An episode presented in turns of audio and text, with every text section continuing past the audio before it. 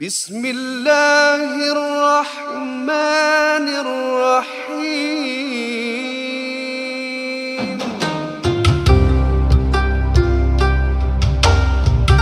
بسم الله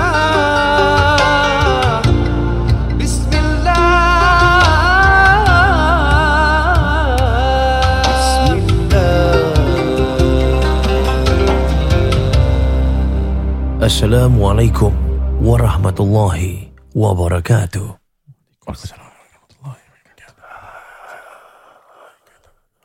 On to the show.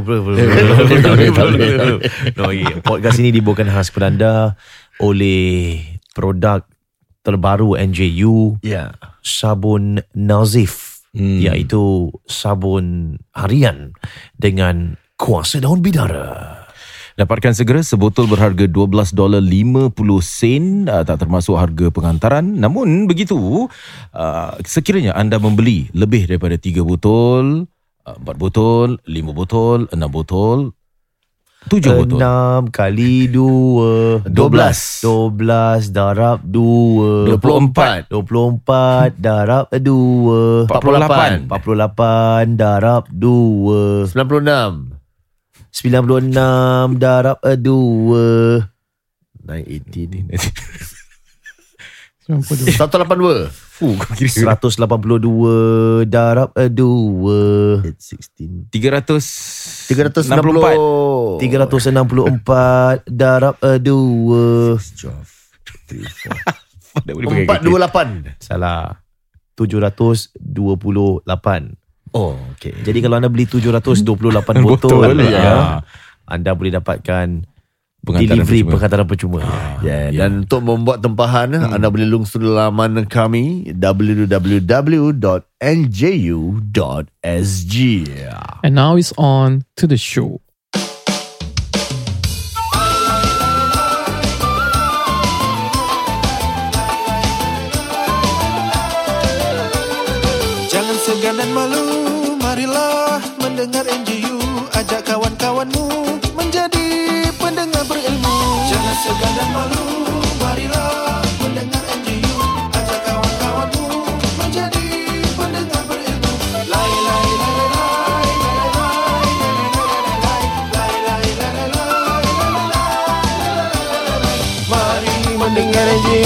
Selamat kembali ke podcast NGU bersama dengan kami semua di sini. Ya. Uh, dan pastinya kalau anda sedang mendengar jangan lupa untuk berkongsi lingkaran ini di laman Instagram ya. Boleh muat naikkan secara Insta story di sana. Dan kita dapat repost. Dan bila kita repost ni lebih ramai akan tahu berkenaan dengan podcast dan bila lebih ramai dapat tahu tentang podcast ini lebih pantas kita akan mendaki tangga untuk di persada tahta Uh. nombor satu di Spotify. Saksikanlah. Astaghfirullahaladzim. Bukan apa ni? tak ada saksikanlah. Nyanyian kan sementara.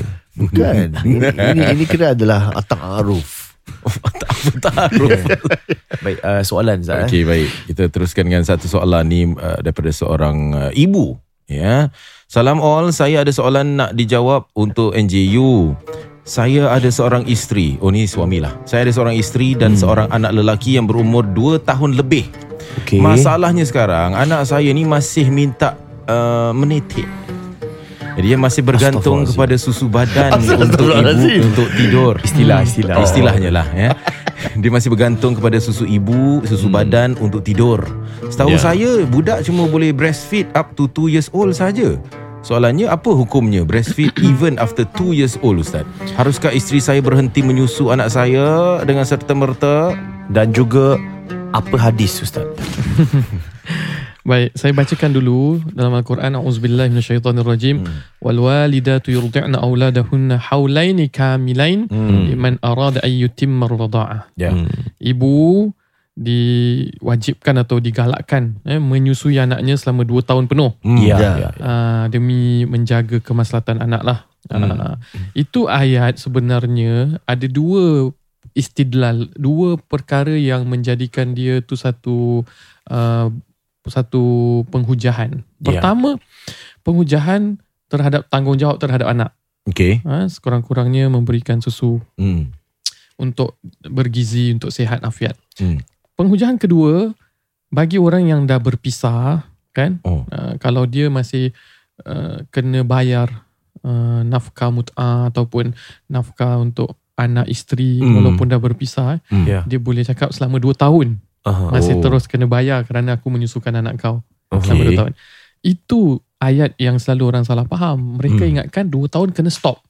Oh. Padahal okey. itu sebagai satu tuntutan Hmm. selama 2 tahun untuk menyusukan. Hmm. Bukan bermakna 2 tahun mesti berhenti. Jadi jawapan yang ringkas boleh diteruskan untuk menyusukan anak walaupun lebih 2 tahun. Asalkan kita tahulah uh, dari sudut-sudut lain lah. Jangan sampai ibu tu rasa mudarat. Jangan sampai adik dia kalau dia ada adik yang lain. Hmm. Uh, hak adik tu untuk bersama mengempeng eh. Mengempeng dengan sang Ah, ibunya tu. ya, ya, Uh, Ataupun untuk anak tu supaya tak terlalu manja apa-apa kan. Hmm. Uh, itu mungkin boleh kita ambil kira. Tapi kalau tak ada apa-apa halangan perkara tersebut walaupun lebih 2 tahun dibenarkan untuk menyusukan anak. Bagaimana sampai bila mereka harus berhenti? Tujuh Sebaik-baiknya sebaik-baiknya digalakkan 2 tahun lah. Itu, Ah. itu bukan had mesti berhenti. I see. Itu galakan untuk menyusukan 2 tahun. Ya. Dua tahun. Hmm. Sehingga ulama menyimpulkan juga satu perkara yang kalau boleh kita tak nak uh, uh, kalau boleh kalau kita nak menjarakkan antara anak.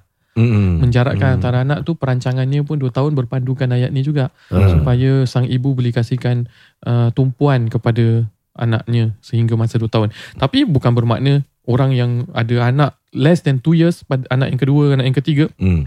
bukan bermakna salah. Hmm. Uh, cuma ini dia punya anjuran supaya kasih sayang, perhatian diberikan dengan baik, Hmm. tidak menyusahkan sang ibu kan Ya. uh, dengan begitu hebat dan dia tidak bermakna mesti berhenti pada usia dua. Itu Mm-mm. galakan saja. Ayat Baik. ini bukan satu kewajipan untuk uh, menyatakan lebih dari dua tahun haram menyusu uh, minum daripada susu sang ibu. Okey. Uh, ada yang sampai besar boleh lah. Eh. Hmm. Uh, bapak dia ke apa tu semua lain cerita. Eh. Ada, Sama. ada perbincangan juga. Pasal kata tentang bapak ni Saya pernah dengar satu kisah Yang Hmm. mana seorang ibu ni Mempunyai anak kembar Hmm. Dan uh, anak Kisah Israeliat ke ni? uh, Yang Israeliat lah uh, Kisah betul lah. Kisah Tak betul. Israeliat betul ke bedik? Israeliat Ah, Nabi dia tak sebut ada- la tusaddiqu wa la tukadzibu. Jangan kita terus membenarkan dan jangan terus kita menolak. Oh salah Ini Ah. kisah daripada manusia lah Israeliat pun manusia lah. Oh. Ah, cuma dia daripada kisah-kisah kaum-kaum Bani Israel yang Ah. telah masuk Islam dan mereka ceritakan pengalaman daripada mereka dengar dari pendeta-pendeta dan kitab-kitab mereka yang menceritakan tentang perincian-perincian. Oh Itu Israeliat. Ini tak Hmm. sampai tak sampai ke Tak sana lah sana, eh? Oh. Ah, Jadi bermakna ibu ni ada anak kembar Ah. Orang Ini Satu kisah Melayuiat lah. ah, Melayu lah ya. Oh. Satu anak ni Ah. dia, dia tamak Ah, Jadi dia kalau nak minum susu Dia nak minum kedua-duanya sekali Oh. Ini okey. cerita apa kat Masling eh? Ah, tak ini ada satu pakcik lah ceritakan kat aku ni. Oh. Jadi aku mendengar lah. Terus uh, pakcik tu cakap aku apa? Hmm. Jadi anak yang tamak ni dia ada letak racun dekat payudara mak uh, mak dia lah. Macam Yang mana dekat, dia dekat letak sebelah kanan. racun? Dia macam ada lah. Masih dia, lagi bayi apa? Mana boleh pandai ah, nak letak racun? Kira dah besar jugalah tapi tak besar sangat lah. Oh, Uh, jadi dah pandai lah dah pandai letak racun. okey. Okey. Keesokan harinya Ha. bapak dia yang meninggal. Ah inilah yang boleh kata tentang bapak tadi lah. Oh, ni dia buat lawak lah. Ah, buat lawak lah. ya, dia, dia, dia adalah lawak lah. Ya. ya.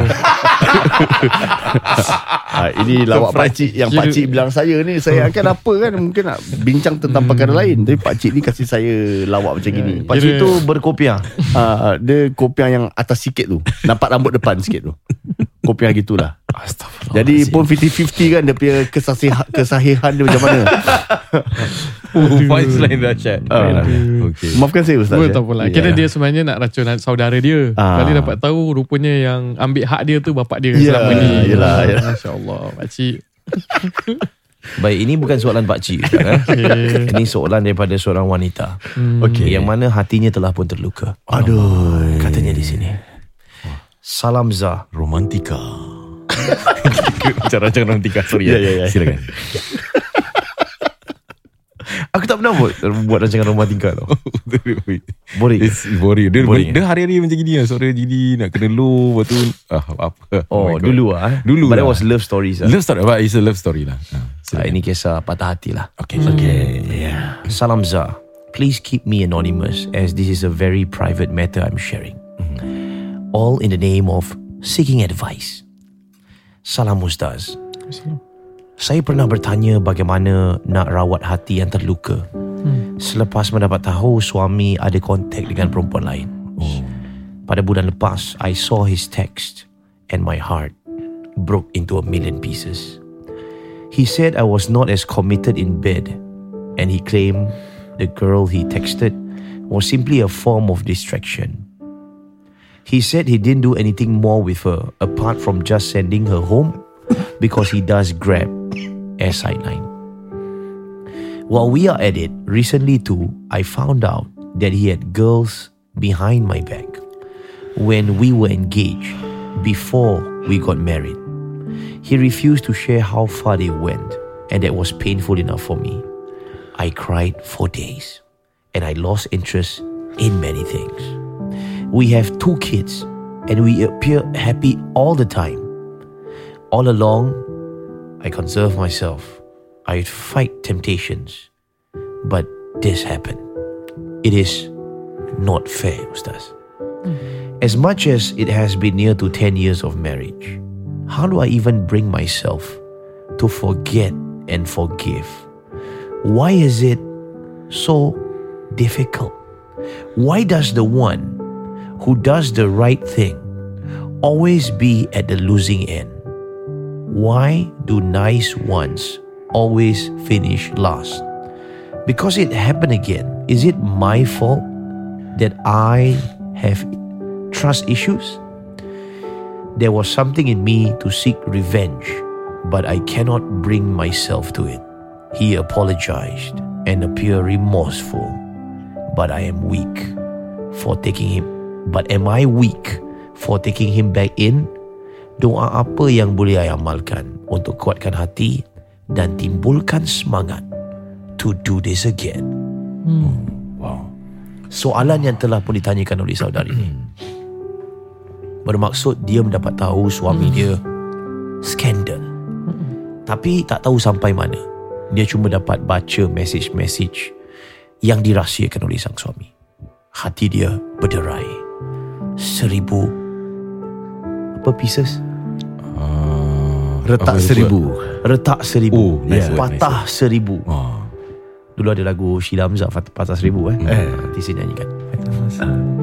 Jadi bila dia dah lakukan ni dia cakap sepanjang kehidupan dia dengan suami dia setia dengan suami walaupun pernah digoda tapi dia tepis kesemuanya hanya semata-mata untuk kesetiaan bersama dengan sang suami. Jadi dia beritahu ini tidak adil ustaz. Dia boleh buat macam ni. Saya acap kali cuba untuk menepis segala dugaan dan ada kalanya saya rasa seperti nak balas dendam, nak lakukan hal yang sama, nak message orang lain juga supaya dia rasa betapa sakitnya hati saya. Jadi soalannya apa doa yang boleh dia baca dan kenapa dunia ini tidak adil ustaz? Silakan. Ada sesiapa yang nak berikan perspektif uh, tentang bab hubungan lebih-lebih lagi sebelum bab doa dan juga keadilan eh. Hmm. Adakah wajar uh, beliau diperlakukan sedemikian ataupun boleh dia apa namanya buat perkara yang sama? Do you think it's fair for her to do the same? Buat je. Astaghfirullahalazim apa dah saya. Ataupun sampai bila orang boleh sabar? Hmm. Hmm, Saya tak tahu? Ustaz macam bagi saya eh Hmm. saya tak boleh orang kata tu saya takkan nak kasih pandangan dari sudut ni kan sebab saya orang lelaki. Nanti saya kalau saya speak on the behalf macam kau kau mana tahu masalah orang perempuan Hmm. Yeah. macam tu. Mm, Tapi ini yang saya percayalah. Dia kalau kita cari keadilan dalam dunia ni memang tak ada keadilan dalam dunia ni. Betul. Hmm. Keadilan yang sejati adalah ketika kita bersama dengan Azza wa Jalla. Itu keadilan yang sejati bila kita submit ourselves to Him. Dan ini bermaksud macam mana kita pandang setiap yang ada di hadapan kita. Kita boleh lihat ini sebagai satu ketidakadilan atau kita boleh lihat ini sebagai satu dugaan yang Tuhan berikan untuk memartabatkan diri kita sebenarnya. Sebab Tuhan tahu setiap ujian yang Tuhan berikan kepada kita ni, dia tahu kita boleh ambil.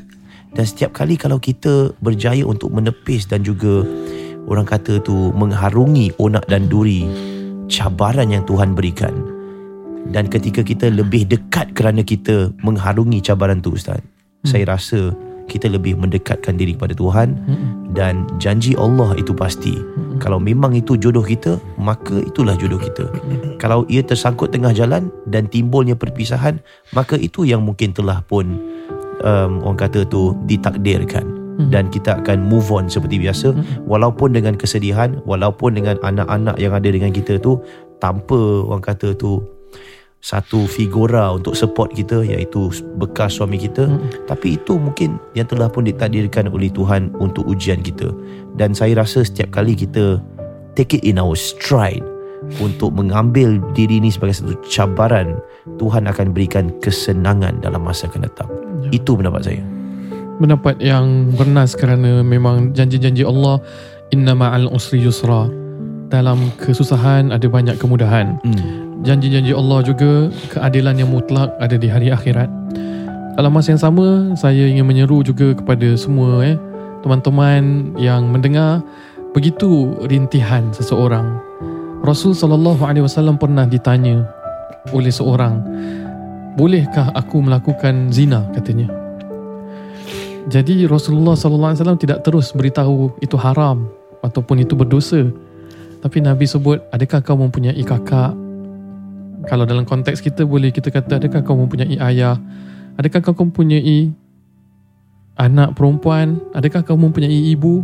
Kata orang tersebut ya aku aku ada bapa, ah, kakak aku ada ibu aku ada anak perempuan aku ada adik perempuan. Sukakah engkau kalau adik-beradikmu yang perempuan diperlakukan sedemikian? Sama ada dijadikan teman untuk berzina maupun dicurangi oleh pasangan mereka. Sukakah kau kalau ibumu dilakukan sedemikian, anakmu dilakukan sedemikian? Kata orang tu, tentu tidak. Maka jangan lakukan kepada dirimu sendiri, pada pasanganmu.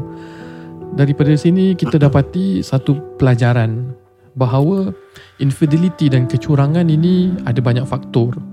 Tapi menyalahkan di atas ranjang tidak begitu uh, memberikan nafsu uh, ataupun kepuasan kepada nafsu tu sehingga memberikan jalan lampu hijau untuk dia curang itu bukan satu penyelesaian. Bahkan penyelesaian adalah memberitahu pasangan dan saling cuba untuk memperbaiki situasi. Sama ada situasi itu situasi keintiman, situasi komunikasi, situasi mertua menantu, situasi kewangan perlu dijalani, digagahi kehidupan ini bersama pasangan dan akhirnya kita akan melihat kepuasan dalam hidup ini adalah bila kita sama-sama mencapai kejayaan sebagai pasangan. Dan untuk mencari kesenangan dengan berfoya-foya bersama pasangan lain semata-mata sebagai alasan menenangkan diri, itu tidak menyembuhkan ataupun memperbaiki situasi. Tak kira lah pasangan lelaki ataupun perempuan. Dan juga pesanan kepada semua pasangan, jangan lakukan sesuatu yang kalau kita di lakukan atau keluarga kita dilakukan kita akan sedih kita akan marah. Kita terima nikah seseorang dan kita sedia dinikahi oleh seseorang dengan satu tanggungjawab bahawa kita akan bersama selama-lamanya. Dalam susah dalam senang masing-masing lakukan amanah dan tanggungjawab. Setiap orang ada kekurangan dalam rumah tangga. Tidak ada rumah tangga yang semuanya damai tenang kerana kehidupan berpasangan adalah dua jiwa dengan satu rasa. Untuk mencantumkan dua jiwa dengan satu rasa ni mesti ada pengorbanan, mesti ada perjuangan, mesti mencari sokongan, mesti ada ketabahan. Tapi kalau kita lakukan sedemikian, bukan hanya diri kita gagal, tapi pasangan kita kecewa, anak-anak menjadi korban, maka apa yang disebutkan oleh saudari yang melalui perkara ni, selama mana kita boleh terus bertahan, jangan biarkan sesiapa pun cakap dengan anda, kau dah kena sebelum tunang kau dah kena tipu sekarang kena tipu kau nak jadi bodoh selamanya dan jangan juga benarkan orang kata tak apalah sabar tak apalah asalkan kau boleh apa mengangkat dan demi anak-anak ni kau telan sahaja Tapi buat satu keputusan dengan apa yang kita rasakan kita boleh bahagia dengannya. Tak ada orang yang bertanggungjawab atas kebahagiaan kita melainkan diri kita sendiri. Maka Eh. kita pilih. Ustaz, si Kumar dia cakap macam tu Ustaz. Siapa? Kumar. Masa kita Hmm, Ha. masa kita orang kata Interview tu interview. interview dia waktu tu. Hmm. Sorry, saya Masya ter, Allah, saya eh. terfikir masa tu. Okey. Bagaimana orang non muslim pun Ya. dia falsafah dia sama macam kita. Ya. Hmm. Kita perlu pilih sesuatu untuk self care diri kita untuk tanggungjawab kita. Adakah selepas ini memang tak semudah itu naluri seorang ibu memikirkan anak-anak kalau berpisah jadi apa semua. Tapi dengan diperlakukan sedemikian kemudian kita menyalahkan keadilan itu juga bukan satu perkara yang terbaik. Bahkan kita punya pilihan kalau seandainya kita rasa tak boleh lagi kita berterusan bersama dengan dia sudah diberikan peluang dan kita terus menyeksa-nyeksa diri dalam satu pengorbanan kemudian kita sendiri rasa tak tenteram hidup dalam dunia ni dan menyalahkan takdir dan tidak mendapat kebahagiaan akhirnya kita merana dan sengsara atas nama pengorbanan maka sebaiknya kita buat satu pilihan pergi ke pihak yang berwenang pergi cari sokongan pergi cari penyelesaian Kadang-kadang bila ke mahkamah syariah bukan mesti kita ingin berc- bercerai atau berpisah. Tapi memberikan satu gertakan bahawa kita tidak mudah dianiayai. Kalau seandainya kita sungguh-sungguh, sila berubah dan mari sama-sama kita berubah diri masing-masing dengan kaunseling dan kita pun ada kekurangan yang perlu kita ubah. Dan tapi kalau kita pilih untuk tak apa, memberi kemaafan kerana ini adalah satu bakti kita demi perjuangan, silakan juga kerana kita yang pilih jalan tersebut. Akhirnya, apa pun kita pilih, mestilah apa yang kita yakin demi kebahagiaan kita. Jangan pandang ke belakang lagi dan membuat penyesalan selepas kita dah membuat pilihan.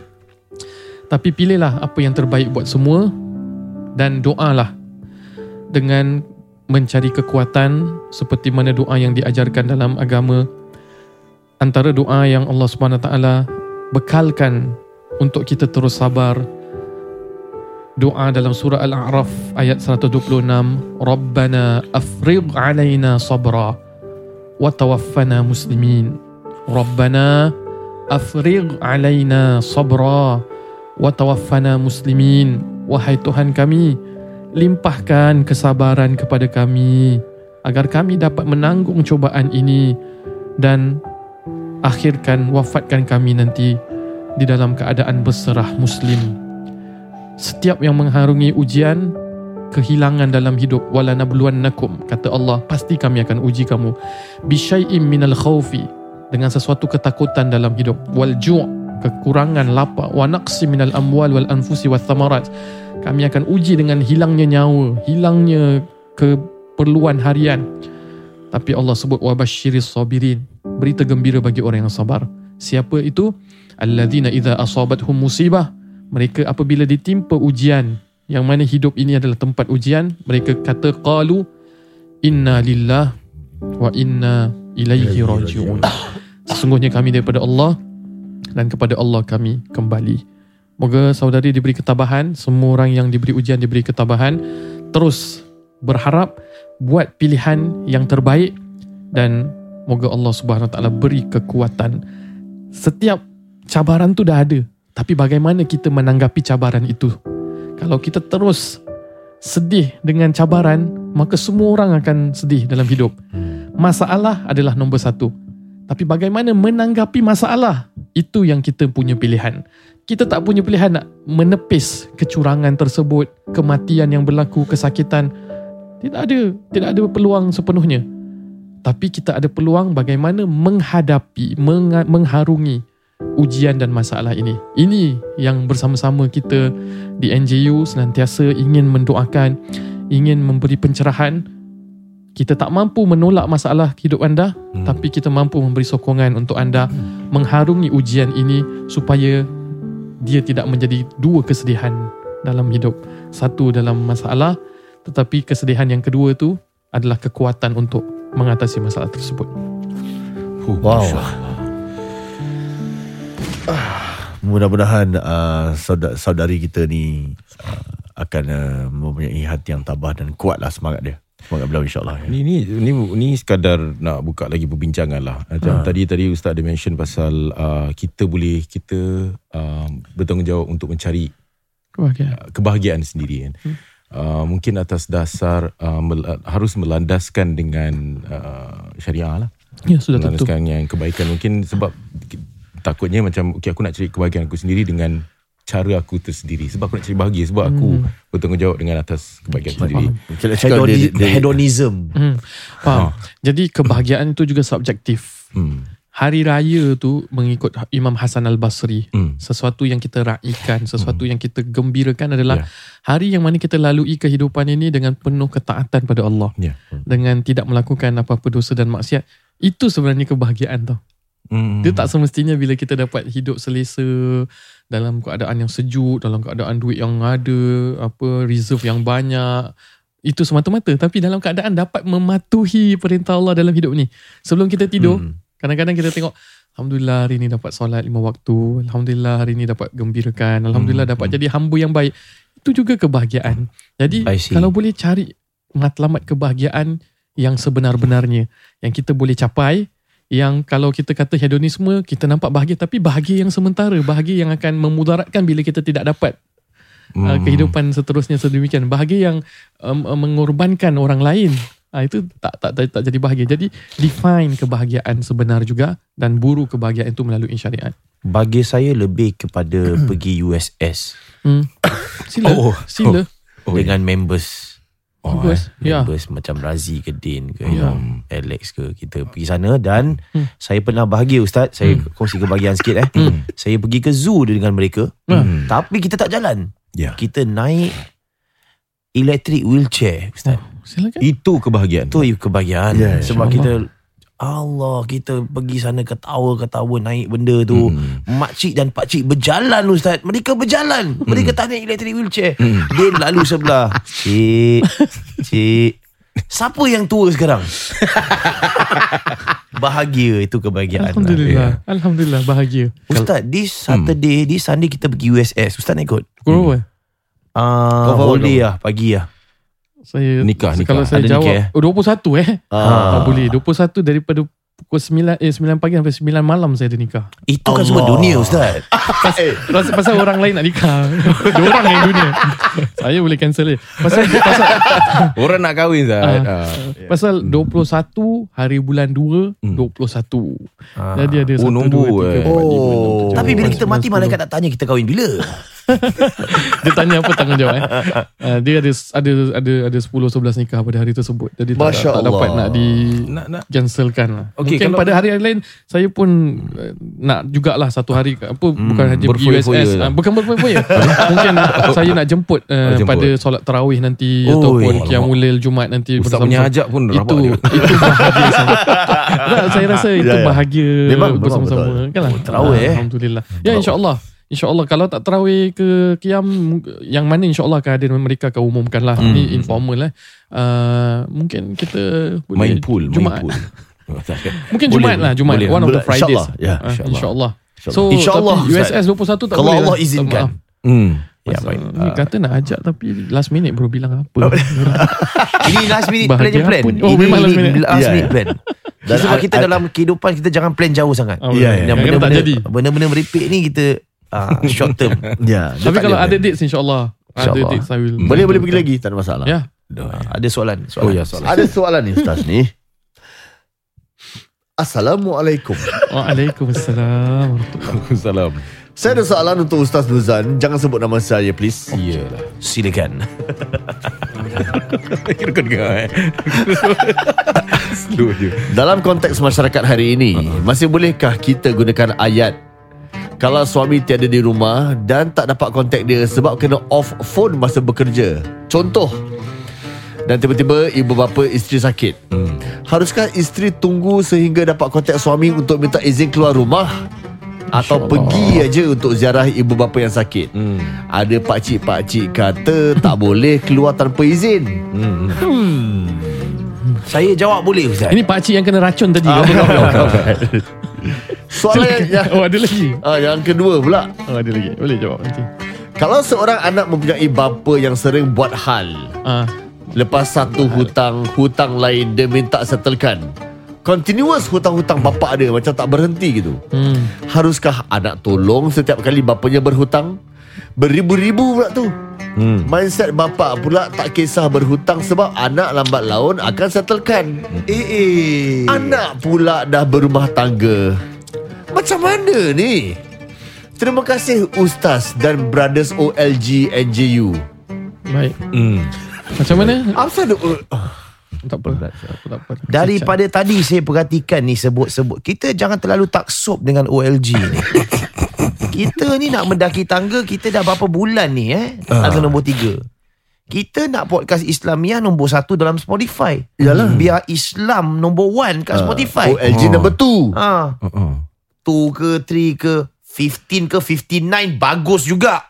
Number 2 je Nanti sponsor tak masuk lah ni Biarlah. Ya tak ya juga Ha, Itu salah masuk lah. kita. Salah mindset uh. tadi Sorry, apa tadi? Uh, soalan dia. Soalan yang pertama Ustaz Ah, ni. Memang pernah jadi Okey. satu perdebatan Okey. Contoh Kalau suami sedang bertugas Hmm. Dan isteri Ibunya meninggal contoh Ya Allah. Sampai ke situ contoh Ya Allah. Dan suami contoh Okey dah dah ya dah, ah, tahu, Tak tahu, kasih dah, dah. isterinya Pergi Pergi. menziarah Okey. Hmm. Saya Saya tak tahu. respon dulu silakan. Ini common sense Ustaz. Betul.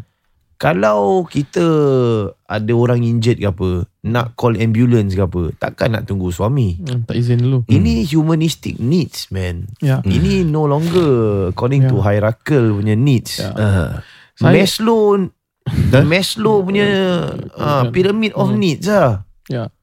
So, So- cakap Neslo tadi Neslo Nescafe dengan Milo combine Eh sedap tau Ada yang Neslo Ada Ya. Neslo. Ah, Bagi tak saya dah mak bapak sakit. Pergilah tak dapat kontak. Dah cuba dah usaha apa. Ha, tak ha. boleh. Pergi dulu. Bagi saya kalaulah sang suami lepas itu marah, Ah. lepas tu cakap derhaka, tak tak minta izin kau tahu tak kalau ibu bapa kau dekat luar pintu pun tak minta izin aku masuk rumah, hmm. aku tak bagi. Saya rasa kalau suami macam tu lah kan. Hmm. Baik awak uh, bincang baik-baik lah. Ah. Kalau saya Saya Pilihan jawab awak. balik Kalau let's say Ah, Pakcik ah. Let's say Saya Isteri pakcik ke apa Hmm. Awak ni tak patut Eh Burung berhenti main dululah Wah, oh, kasih balik. ah, Saya Ah, bagi itulah. gitu Itu nombor satu. Nombor dua, kalau dia nak cakap pasal rumah, nak masuk kena minta izin. Kalau mak bapak lah. Kalau orang luar tentu-tentulah. Hmm. Hmm. Mak bapak nak minta izin suami dulu.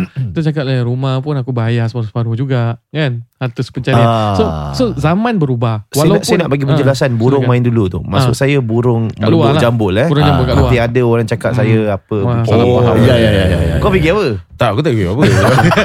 Sebab pakcik-pakcik kan dia Ya. suka main burung yang Example Ha? lah Burung- Example lah Ah. Ustaz. Pakcik suka main burung Sekarang orang muda pun dah mula main burung dah oh, Eh dia orang burung lain Ha? Ya. Warna-warni Parrot Oh Free ya, flying ya, ya. Oh. Dulu merebuk jambul Okey. Ma- Okey jadi jadi saya jawab secara ringkas eh. ah, baik. Memang sang suami ataupun sang isteri tu beliau perlu meminta izin pada suami Ah. atas apa-apa yang tindak tanduk yang nak dibuat kan Hmm. nak keluar rumah nak pergi kerja tapi dalam situasi seperti ini orang sakit atau ibu bapa dah datang kat luar pintu janganlah sampai uh, kad ataupun uh, istilahnya izin suami tu menjadi halangan untuk anak beranak tak boleh bersilaturahmi tak boleh berbahagia. Hmm. sedangkan sebaik-baik suami adalah yang terbaik pada isterinya. Jadi apa Oh. jalan penyelesaian dia? Saya kasih jalan penyelesaian eh dalam kursus-kursus rumah tangga saya sebut gini. Kalau awak rasa sebagai isteri awak nak tetap izin suami dan awak tengok suami awak memang jenis orang yang ya kita sebagai suami isteri awak kena izin saya. Ah. minta izin saya kalau nak pergi mana awak minta izin secara package lah daripada awal. Bang satu hari nanti kalau saya pergi kerja ke ataupun ada ibu bapa saya datang rumah ke ah- ahli keluarga saya sakit ke meninggal abang izinkan saya eh. Cakap gitu daripada sekarang untuk sampai sampai bila-bila. Jadi dah ada izin pun kalau nak pakai kad izin tu jugalah. Tapi Oh. kalau rasanya tak pernah disebutkan sedemikian pun Ya. sekiranya uh, perkara sebesar itu berlaku, saya yakin suami-suami anda pun pasti membenarkan. Nah, pasti dia akan cakap, kenapa tak pergi? Pergi je lah, takkan nak no telefon, takkan nak kena minta izin buat benda ni. Ha, jadi, minta package punya izin daripada sekarang. Bang, kalau ada apa-apa kemalangan, ada apa-apa apa emergency terutama ataupun ibu bapa saya datang bila-bila abang izinkan eh ha? jadi daripada awal kita dah ada satu disclaimer for every time our parents come ataupun kita nak pergi rumah ibu bapa Tapi Ustaz contoh If let's Ya. say kalau um, Suami dia tengah bertugas Mm-mm. Isteri Ibunya meninggal contoh Mm-mm. Dia dapat hubungi suami dia Suami dia kata pula Jangan keluar rumah Aku tak nak kau keluar rumah Contoh eh ya Allah Kali kalau contoh dia main keluar saja, adakah dia seorang isteri yang derhaka Ustaz? uh, dia berdosa pada suami tapi suami juga berdosa kepada sang isteri kerana apa? Kerana tidak menjadikan isteri tanggungjawab suami tu menjadi pemimpin. Antara ciri-ciri pemimpin tu dia perlu menjadikan pimpinannya tu orang-orang yang taat kepada ibu bapanya, Hmm. berbakti Oh. kepada ibu bapa. Kalau dia sebagai pemimpin salah laku kuasa dan menjadikan anak itu tak dapat berbakti dan taat pada ibu bapa dengan apa alasan sekalipun lah. Memang ada konflik daripada dulu. Ya. gaduh pasal duit lah gaduh pasal apa ke apa dengan mak bapak mertua gaduh pasal apa sampai kematian pun dia tak izinkan seorang anak bertemu dengan ibu bapa. Saya kira tu bukan mencerminkan uh, pimpinan yang nak menggalakkan anak menjadi anak yang taat pada ibu bapa. Jadi memang berdosa. Kerana Hmm. tak ikut perintah. Tapi dalam masa yang sama suami juga berdosa. Pasal apa? Tak menjadikan uh, pimpinannya tu orang yang berbakti pada ibu bapa. Menghalang seorang anak menjadi baik pada ibu bapanya sendiri. Ustaz saya nak tanya Yang cakap pasal Kad Hmm. Kad suami ni Mm-mm. Ini actually dalil apa Ustaz? Oh yang, pasal ni. Pasal Ah, apa mak, Nak minta oh, izin ni? ah. Saya dah dengar Ramai orang cakap pasal Mm, Oh kena minta izin Minta izin. Mm, mm, mm. Tapi no one has furnished Any scripture Ataupun berdasarkan apa sandaran apa yang mengatakan sebenarnya nak buat apa-apa kena minta izin sang suami. Malahan dalam sebuah keluarga kadang-kadang saya lihat sang suami minta izin sang isteri bila nak beli motor. Ha? Ha, yang I boleh beli motor satu lagi. You nak buat apa? Ha? You kerja macam mana? Ha? Kerja kasih betul dulu lah. Ha, ada yang macam gitu Oh, juga. eh. Ha, ada yang sedemikian rupa. Ada suami nak keluar minta izin isteri, isteri tak kasih, suami Ah. tak jadi keluar. Ada bila suami keluar lipat dengan members, isteri call suruh video video call. Ah. Video call suami terpaksa angkat walaupun kalau betul suami in power, Ya, kalau ah. betul suami ada dalil dan sandaran nas yang yang Sedemikian, yang eh? legit, Ah. dia sebenarnya tak perlu pun angkat um, apa WeChat ke apa um, apa orang kata tu? Apa? Viber. Uh, no. lama lama. Kira video phone. Ya, video Ah, call, Tapi ya. saya lihat kawan-kawan saya angkat chat tu. Hmm, hmm. Lemak lemak bini aku kalau okey okey bro eh kau duduk sana eh. Okey. Mm-mm. Ha ni apalah Zah kat sini lah. Zah kat sini. Walhal dia kalau betul ada kuasa, ada kad, Mm-mm. dia dah gunakan kad tu macam I sebagai suami I takkan angkat your phone call sebab I tak perlu report to you. Hmm. Macam mana ni? Sampai Ustaz? tahap kalau suami nak pergi Thailand. Eh, tak, tak, tak, tak. Okay, macam mana? Okay, dah video call dah, video call. Ah. Ha. Okay. Tapi dengan alasan isteri gunakan anak-anak. Apa dia? Ini cerita siapa ni? member member kau tu sikit dia tak oh, aku pernah dengar ya, pada ya, berlaku ya, juga. ya, eh. ya, ya, ya. Macam mana? Dia- Jadi ni saya lihat pola dan juga dinamik dalam sebuah keluarga tu sudah pun bertukar arah. Macam mana ni? Baik, sebenarnya dia macam mana pun dalam agama Allah sebutkan ar-rijalu qawwamuna 'alan nisa bima faddalallahu ba'dahum 'ala ba'd wa bima anfaqu min amwalihim. Eh, Kaum lelaki itu pemimpin Hmm. dan pengawal juga Hmm. yang bertanggungjawab terhadap wanita. Hmm. Jadi bila cakap pasal kepimpinan tu, Hmm. itu yang selalu orang dulu salah faham. Kepimpinan tu maknanya ada kuasa veto.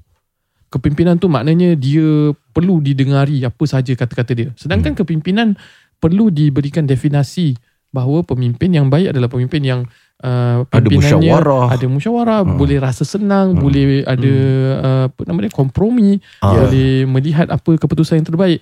Ha, jadi menyalahkan teks agama atas dasar kepuasan dan nafsu sendiri itu yang jadi masalah selalu. Ah, dia. dia dia gunakan teks agama kemudian dia kata aku pemimpin kau mesti ikut apa-apa. Sedangkan dia lupa ayat-ayat yang lain.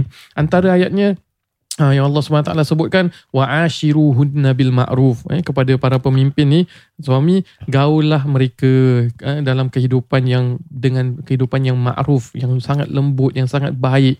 Kan? Ah, itu salah satunya. Khairukum khairukum li ahli. Sebaik-baik kamu adalah mereka yang terbaik pada ahli keluarganya. Hmm. jadi selain daripada tu kadang-kadang mereka gunakan uh, kad nusyuz.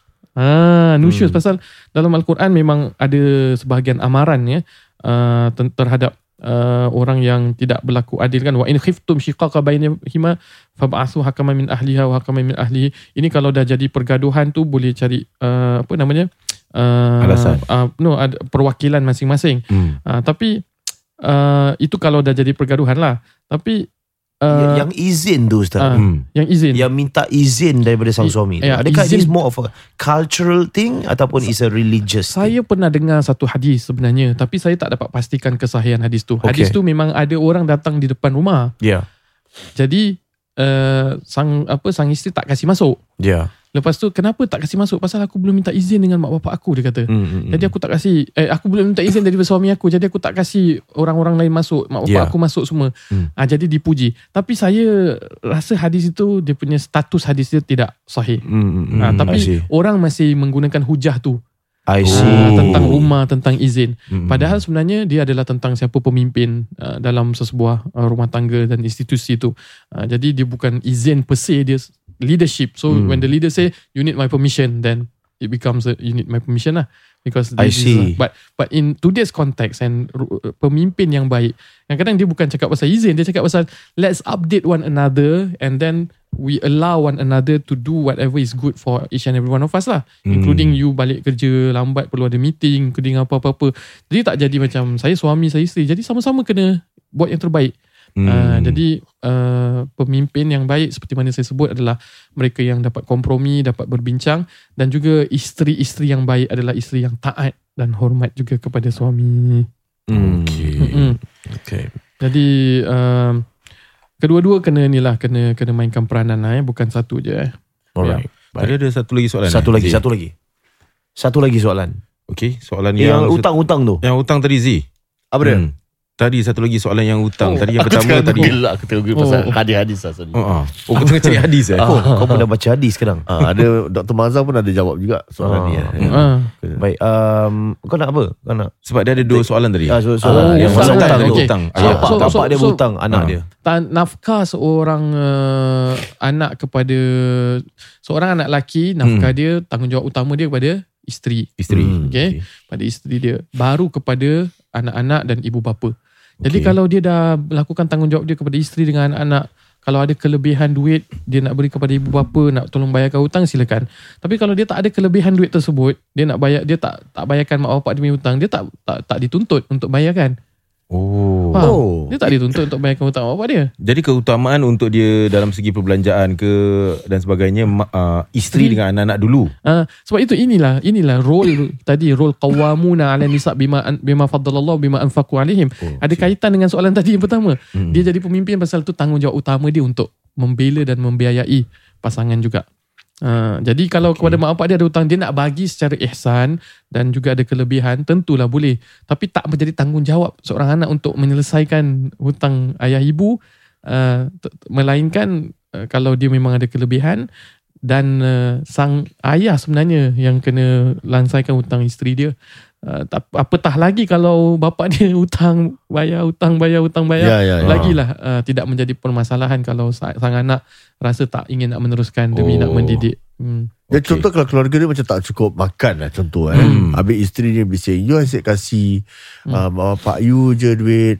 Hmm. Habis kita ni tengah tak cukup ni. Hmm. Hmm. Hmm. Uh, patut suami nak kena cukupkan keluarga tersendiri dulu lah. Betul. Eh? Ya, keutamaan adalah tanggungjawab dia sebagai suami Ya. adalah isteri dan anak-anak dia dahulu. Okay. Dan uh, tapi dia bukan bermakna kita tak beri ibu bapa. Dia Ya, kena ya, faham matematik bagi ibu bapa ni bila awak bagi mak bapa awak akan cukup. Ha, itu Yes, matematik yes. yang Allah Correct, SWT berikan tu para isteri dan para suami jangan lupa juga. Memang kita kadang-kadang tak cukup. Alamak nak kasih mak bapak. Lepas tu ni tanggungjawab utama kalau lebih ni. Tapi walaupun kita dah bagi tanggungjawab kita kepada isteri dan anak-anak, Ah. kita kasih mak bapak kita lagi banyak kita bagi lagi banyak Allah berikan kita di dunia lagi apatah lagi di akhirat itu sudah terbukti secara apa orang kata praktikal maupun Hmm. dalam uh, nas-nas agama yang menyandarkannya Okay. Kita ada masa untuk satu lagi soalan silakan. Baik, soalan ni daripada seorang uh, okay. Seorang pendengar kita Salam sejahtera kepada Tim NJU Saya ingin meminta Salam. pencerahan Daripada Ustaz Nuzhan Okey, ni soalan tentang doa. Ustaz. Betul ke kita dinasihatkan untuk tidak memberitahu nama ibu Hmm. jika diminta oleh seseorang untuk bertujuan mendoakan diri kita? Contohnya, ada satu tukang urut hmm. yang minta nama ibu kita. Ada kalangan ustaz yang mengatakan demikian kerana takut terkena sihir. Apakah sebab sebenar di sebalik nasihat sedemikian? Namun begitu ada juga pendapat asatizah yang mengatakan tidak ada salahnya kerana ibu kita yang melahirkan kita. Tak salah jika mendoakan seseorang dengan berbin atau berbintikan nama ibu. Saya keliru Ustaz. Sila memberikan pencerahan. Silakan. Selalunya bila seseorang minta nama ibu kita tu, hmm. ya, tak kira lah perawat ke, asatizah ke, seseorang tu, Hmm. dia lebih nak memberikan satu kemujaraban. Konon-konon tu satu pengkhususan Muhammad kalau bin Abdullah Hmm. ada banyak Muhammad bin Abdullah. Nombor Oh. satu. Nombor dua Muhammad bin Abdullah mungkin bapaknya ni bukan bapak betul. Ha, Ya, ya, tidak ya. sah taraf. Tapi Ya. kalau nama ibu Hmm. Dia adalah tak ada lain. Dia adalah ibu kita. Anak tak sah taraf dengan bapaknya. Tapi anak tak pernah tak sah taraf dengan ibunya. Sebab ibu yang melahirkan lah. Sebab ibu lah yang melahirkan. Kalau HDB nak ambil grant kena minta birth cert. Hmm. Uh, Hmm, Oh, sebab, hmm, hmm, oh yelah, Pasal memang. birth cert ada ibu dengan anak punya Nak ambil nama. Ah. Oh, Okay. So, bila seorang anak selalu diminta nama untuk nama ibunya, Hmm. kerana kalau nama ni bin ni mungkin dalam sebahagian ilmu rawatan lah eh, Ya. Hmm. mungkin dia tak tersasar kepada orang tersebut. Oh tak salah hantar. Ah, konon macam Eh, tak- oh, ah, konon macam tak sampai lah. Kita Hmm. perlu nama awak dengan nama ibu supaya doa yang kita usahakan ni direct pergi kat you. Hmm. Pandangan saya peribadi Hmm. tak payah. Oh. Tak payah. Awak nak berikan silakan.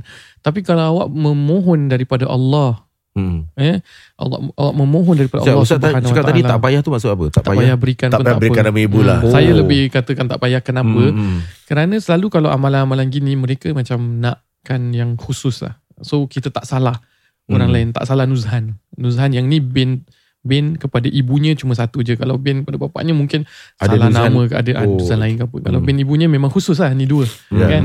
Uh, jadi bagi saya tak payah. Hmm. Kalau dia minta pun tak apalah saya je nama saya je. Pasal apa?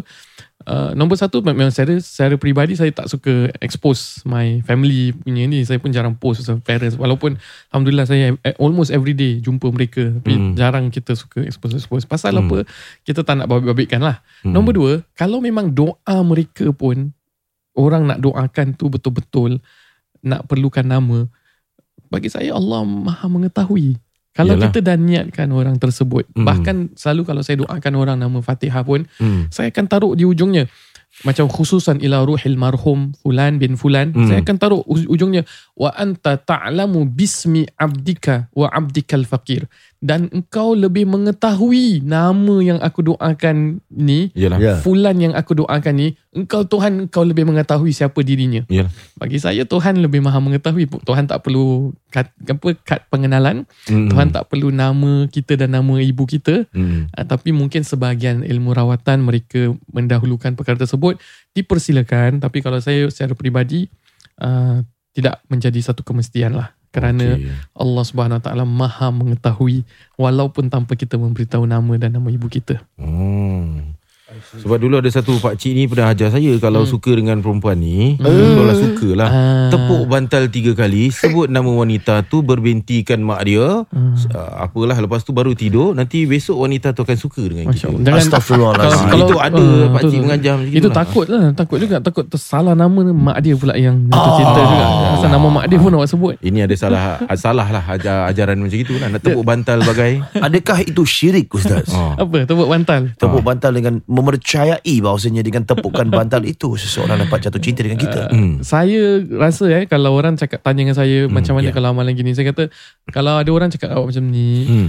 Bagi saya Dari segi Awak punya apa uh, Minda Sudah berhubungan Awak sebut nama Awak dah berikan wave-wave eh, Ataupun Gelombang-gelombang Hmm. uh, Secara Orang kata Telepati ke apa Hmm. Ah. Dan sampai kepada dia Hmm. So, Dari sudut sains Saya rasa itu berlaku Hmm. Tapi dari sudut agama Hmm. mungkin awak doa daripada hati yang jernih moga Allah bukakan hati dia itu mungkin maksud daripada sebut nama dan doa-doa itu yang saya selalu nasihatkan tapi Ah. kalau menepuk-nepuk kan uh, sebelum pinggan kan sebelum makan banyak Ah. lah dulu sebelum makan pusing dulu sebut nama dia tiga kali Ah, yes. Oh, ada masuk, Ada ah. ada Ada, haula ada. wala quwata illa billah. uh, panah panah Arjuna lah apa semua ada ayat terpanah mantra dia? kepada ayatku mantra dia bawa macam-macam kan Hmm. Uh, ilmu mahabbah apa-apa semua bagi saya Tahu eh ilmu mahabbah ni. uh, bagi saya mahabbah Hmm. Uh, bagi saya awak bayangkan kalau benda tu jadi satu hari awak sama-sama dengan dia. Hmm. Awak pun rasa macam eh alamak tak real lah aku. Tak gentle ah, ah, tak lah. gentle aku dengan dia rupanya ada gini-gini. Hmm. Kan ada kuasa jin ke atau ataupun kuasa apa-apa. Kadam, kadam. Ah, ah, kuasa kuasa khadam lah, kuasa Hmm. kan. Ya. Bagi saya buat apa kalau dah macam tu? Lebih baik awak doa betul-betul yakin. Seb- nak sebut nama dia ke, nama makcik dia ke, nama bapak ke, bapak cik saudara dia ke, Hmm, sebut je tak apa. Hmm. Ah, fulana anak saudara kepada ni ya Allah, tak apa, sebut je. Asal awak dah Oh. dilamun cinta kan, sebut je. Ah. Tapi awak bermohon pada Allah Subhanahu Wa Taala. Ah, bermohon pada Allah Subhanahu Wa Taala. Awak selalu ingat bila kita selalu ingatkan seseorang, Hmm. dia akan saya selalu dapat gitulah macam saya ingatkan seseorang tiba-tiba dia call. Hmm. Ah, almost every day. Yes. Ah, kalau saya tengah teringat my wife ke teringat my mother ke apa, Hmm. dia telefon Ah, I cakap ah, mak, mak I, I baru baru teringat. Hmm. Tahu aku pun tengah teringat ni. Banyak kali jadi. Bagi saya that, that is telepatik lah. Itu satu benda yang boleh di-explain pun Wow. secara sains. Tapi itu yang kita mungkin nak buat. Rather than kita ada kepercayaan tepuk-tepuk tu dia kat sana ingat. Lebih baik kita Lebih go, mulia go, doa lah. doa dan go back to the science lah. I Ya. Dulu saya ada satu cikgu dia di JC dulu eh. Okay. Dia cikgu Melayu. Bila dia marah dengan kita, dia akan pegang telinga kita. Ha. Dua-dua kiri dan kanan, lepas tu dia tengok macam contohnya kita berbual ke apa cakap jangan berbual awak ni eh. Dia pergi pegang telinga kiri dan telinga kanan. Lepas tu dia cakap zim zam zoom your ears is longer than your tail Alamak. kira dia curse lah Habis Jadi, adakah telinga menjadi panjang? tak lah orang kita semua ketawa lah kira Oh, macam oh, kurang oh, kurang dia kurang. wajib. Shit lah cikgu dia. Jadi tak sampai syirik lah. Ya, ya, ya, ya, ya. ya. um, dan apa yang tak syirik pastinya adalah pembelian NJU Nazif Ini betul lah, ini tak syirik. Sabun Nazif Ah, ini uh, banyak uh, orang kata tu Khasiat. khasiatnya antara untuk kulit yang mulus yang cantik Aha. untuk you know protection daripada UV untuk memastikan kulit bersih molek dan Ya. ibarat telur dikupas boleh Aha. digunakan ya. Sabun NGU Nazif ini banyak vitamin dan Ya. seumpamanya. Dan uh, yang lebih penting lagi ada khasiat daun bidara. Mungkin ada uh, nas-nas yang ustaz boleh kongsi. Berkenaan dengan penggunaan daun bidara ini. Ya, pada asalnya daun bidara ini diambil tujuh lembar. Tujuh lembar daripada daunnya, kemudian ditumbuk daripada tumbukan tersebut diberi minum maupun dibuat mandi. Ya. Itu asalnya kalau mereka yang mempunyai apa-apa gangguan dianjurkan sedemikian. Tapi secara umumnya untuk mandian bagi mereka yang mandi hadas dan juga soal mandi jenazah ini juga dianjurkan Rasulullah sallallahu alaihi wasallam. daun bidara.